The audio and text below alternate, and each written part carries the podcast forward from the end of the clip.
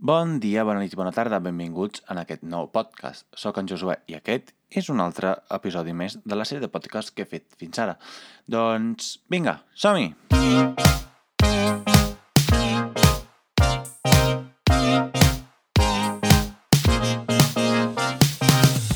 Molt bé, doncs el tema d'avui és un tema nou i m'acabo de fer eh, el show de les, dels dits. Però, a banda d'això, el tema d'avui és el tema de treballar. Treballar mentre estudies. Eh, des de la meva perspectiva i des de la meva experiència i també des de l'experiència de molt, molt de vosaltres que esteu escoltant aquest podcast, treballar mentre estàs fent la carrera és un puto cunyàs. O sigui, eh, no tens temps per dedicar-te a la carrera, no tens temps per dedicar-te bé a la feina, eh, la major, majoria de les vegades estàs fent una feina que no t'agrada però necessites fer perquè eh, has de pagar el lloguer, perquè els teus pares et poden ajudar econòmicament, però eh, no et poden pagar pas els luxes, o sigui, mm, a banda del pis, eh, que ni tan sols a, a vegades pots sobreviure amb els diners que passen els teus pares aquí a Barcelona, doncs has, de, has també de menjar, perquè és una cosa que nosaltres eh, tenim aquest vici de fer, que és menjar, nutrir-nos. Bé, doncs aquest tema és un tema que m'ha tocat molt de prop perquè ho he sofert molt al llarg del meus, dels meus 3 anys i ara que estic al paro, eh, ara que estic a l'atur, encara que no cobri l'atur, eh, eh, això és eh, gràcies a la pandèmia que s'han fet unes cues molt llargues i llavors no em poden eh, tramitar la meva sol·licitud fins que no hagin esgotat les persones que estan davant meu. Bé, eh, què passa? Que és un tema i és una cosa que és un cunyàs, com acabo de dir abans. Eh, jo, la meva eh, experiència. Doncs vaig venir aquí l'any de l'1 d'octubre, el fatídic 1 d'octubre, i vaig arribar al... a l'agost, el 20... Ho, ho porto tatuat. El 28 d'agost de 2017 vaig arribar a Catalunya i la primera cosa que volia fer jo era trobar feina, òbviament, perquè jo volia independitzar-me econòmicament dels meus pares i viure la meva vida i no haver de rendir comptes amb ells. Doncs què passa? Que com a italià, com a persona comunitària, doncs necessito un NIE, que, pels que no, sa no sabeu què és, és el nombre d'identitat d'estranger que bàsicament és el permís de residència per qualsevol persona que vingui de la comunitat europea, que sigui d'un estat membre de la, de la, comunitat, de la Unió Europea, i llavors li donen aquesta targeta verda que li permet treballar eh, durant... Bueno, la, la primera fase és la targeta blanca, que dura com uns sis mesos, un any, que et permet treballar, i després l'has de renovar i, de, i llavors ja et donen la, la targeta verda. A mi, en canvi, com que vaig venir aquí a fer la carrera des de principi, la vaig fer com sencera aquí, em van donar directament una targeta verda. I què passa? Que llavors jo amb aquesta targeta podia treballar. Doncs la cosa bonica i dolenta de, de, de, de tenir el NIE és el fet que eh, vaig arribar a l'agost i em van donar cita pel dia 13 de gener, una data molt important, perquè fins i tot després de 3 anys i pico encara me'n recordo. Bé, eh, vaig començar a buscar feina, vaig haver de demanar a uns amics que m'havia fet aquí si coneixien algun lloc, que em volien contractar, i llavors vaig començar a treballar al Carrefour. Eh, què passa? Doncs que al principi estava superbé perquè és un, era una feina que no m'agradava gens, però els horaris eren estupendos, perquè cada dia començava a treballar jo a les 3.30 i plegava a les 9.30 i si, i si escolteu un tiqui-tiqui-tiqui és el meu gos que està passejant per casa. Eh, què passa? Que llavors jo de dilluns a divendres tenia la, tenia la universitat, feia eh, classes i llavors mm, anava a casa ràpid, menjava, em canviava de roba i cap a la feina. I la veritat que era pesat, perquè al principi no, no m'hi acostumava gaire als horaris i tenir un dia que no tingués pas una migdiada, però se m'ha fet... Eh, o sigui, m'he acostumat ràpid. Bé, eh, tenia temps per estudiar? Sí, tenia temps per estudiar, no hi havia cap problema. Ara bé, em va arribar. O sigui, em va arribar a una oferta de feina d'una altra empresa, que anomenaré La Pera, doncs eh, hi vaig anar a treballar aquí. Al principi el contracte era de, de 40 hores i també estava estudiant. I a més no estava estudiant pas eh, a temps parcial, com com és una cosa, ja que és una cosa que es pot fer, sinó que estava fent la carrera uh, sencera. O sigui, jo, m'agafava els meus 60 crèdits cada any i, a més, uh, treballar 40 hores. Doncs uh, vaig aguantar un, uns 3 mesos i després, va, quan vaig veure l'oportunitat, vaig demanar que reduïssin les hores uh, i fer-ne només 30 la setmana.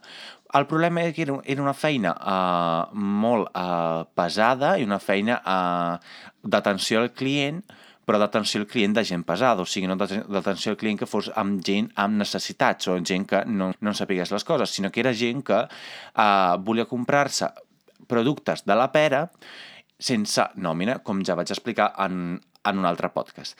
Eh, bé, què passa? Que això d'estudiar i treballar alhora és una cosa bastant complicada, perquè, per exemple, jo començava la, el meu dia a dia del dilluns a les 7 del matí, baixava el gos, me n'anava a la fe, me n'anava a la universitat, a la 1 plegava, tornava a casa i de 1.30 a 8.30 estava treballant.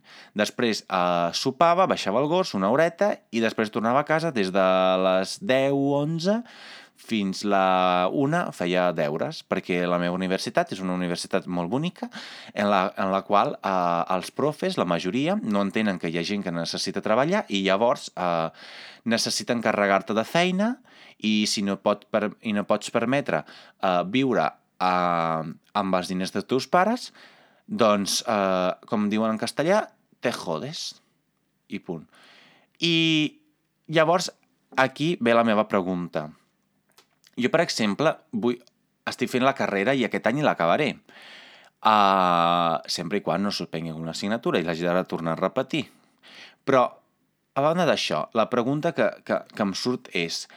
Eh, a la, la universitat se suposa que t'ha de preparar pel món laboral i una persona llavors que està treballant i, i, i estudiant, què significa? O sigui, que és una persona que ja està preparada pel món laboral però igual no del sector que desitja, però sí que és una persona que eh, està contribuint a l'economia, està contribuint a, a, a la seva pròpia economia domèstica i, i també igual a pagar-se la carrera, perquè no sempre te la poden pagar els, els papis o el, algun parenteu, els iaios o, o, o el que sigui. I, I bé, i llavors dic jo, eh, vivim en un món on eh, cada dia ens demanen més coses. I llavors, no seria el cas que igual les universitats, que són la nostra el nostre passadís per entrar en el món laboral igual ens donin alguna possibilitat també per treballar i estudiar a la vegada, perquè ganes no en falten. Ah, bueno, parlo per mi, igual a altres persones sí que li falten ganes per acabar, però, per exemple, en el meu cas, ganes no me'n falten. I jo tinc molt clar que vull acabar la meva carrera. La meva carrera jo la vaig escollir perquè és una carrera que m'agrada. Ara bé, com puc compaginar jo la feina i la universitat? Perquè és un, és un gos que es mossega la cua perquè uh, si no treballo no tindré diners per pagar lloguer, per pagar el menjar i també no tindré pas diners per poder pagar la, la, la tax, les taxes universitàries.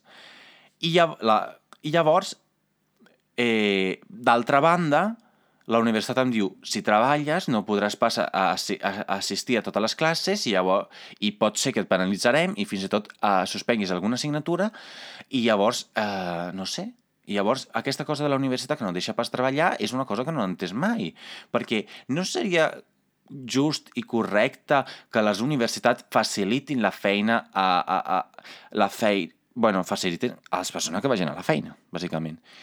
Que necessites assistir a classe? Sí. Que és imprescindible assistir a classe? No, perquè jo vaig tenir molts professors i moltes assignatures que eren inútils. O sigui, si ells m'haguessin donat un PowerPoint i m'haguessin dit estudia-te'l i, i, i ja està, doncs jo hagués aprovat igualment. Jo anava a classe perquè penso, doncs ja que pago la universitat, doncs mira, també la faré servir, faré servir els, els lavabo, la il·luminació, l'electricitat, perquè al final tota aquesta cosa que nosaltres no hi pensem gaire. Però són coses que nosaltres estem pagant amb els nostres diners. I els nostres drets, que si a mi se'm descarrega l'ordinador perquè és un ordinador que em vaig comprar jo i necessito carregar-lo, doncs mira, aprofito i el carrego directament a la universitat. I no és per als dos cèntims de, de, de diners que val l'electricitat de carregar l'ordinador, sinó pel fet que dic, mira, doncs ja que estic aquí, doncs igual com si vaig al lavabo, no, no pagaré pas 50 cèntims per anar al lavabo, perquè és una cosa que ja estic pagant jo amb, la, amb les meves taxes. I bé, doncs això és eh, el tema d'avui. El tema d'avui és que jo crec que a les universitats falta a, a aquesta, uh, aquest contrast amb la realitat que uh, a, en molts casos no, no, o sigui, en molts casos les, o sigui, es creu que les universitats i la gent que, que forma part de la comunitat universitària són persones que són riques, però malauradament no, la majoria no ho és. És un món que cada, cada dia s'està fent més pobre, o sigui... I, i, I això no significa que estem a, a, al límit de morir-nos de gana o qualsevol cosa. És que abans, igual, hi havia unes possibilitats que la gent a, avui dia no tenia.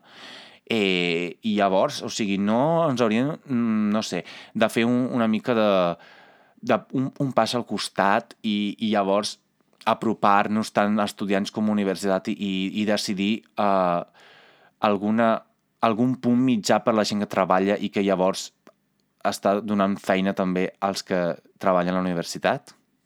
Doncs fins aquí el podcast d'avui. Espero que us hagi agradat. És un tema que uh, a mi em toca molt de prop, molt de prop, perquè, clar, eh, jo mm, sóc estudiant i també vaig ser treballador. Doncs vinga, apa, eh, us desitjo una molt bona setmana i que us vagi molt bé. Vinga, adeu!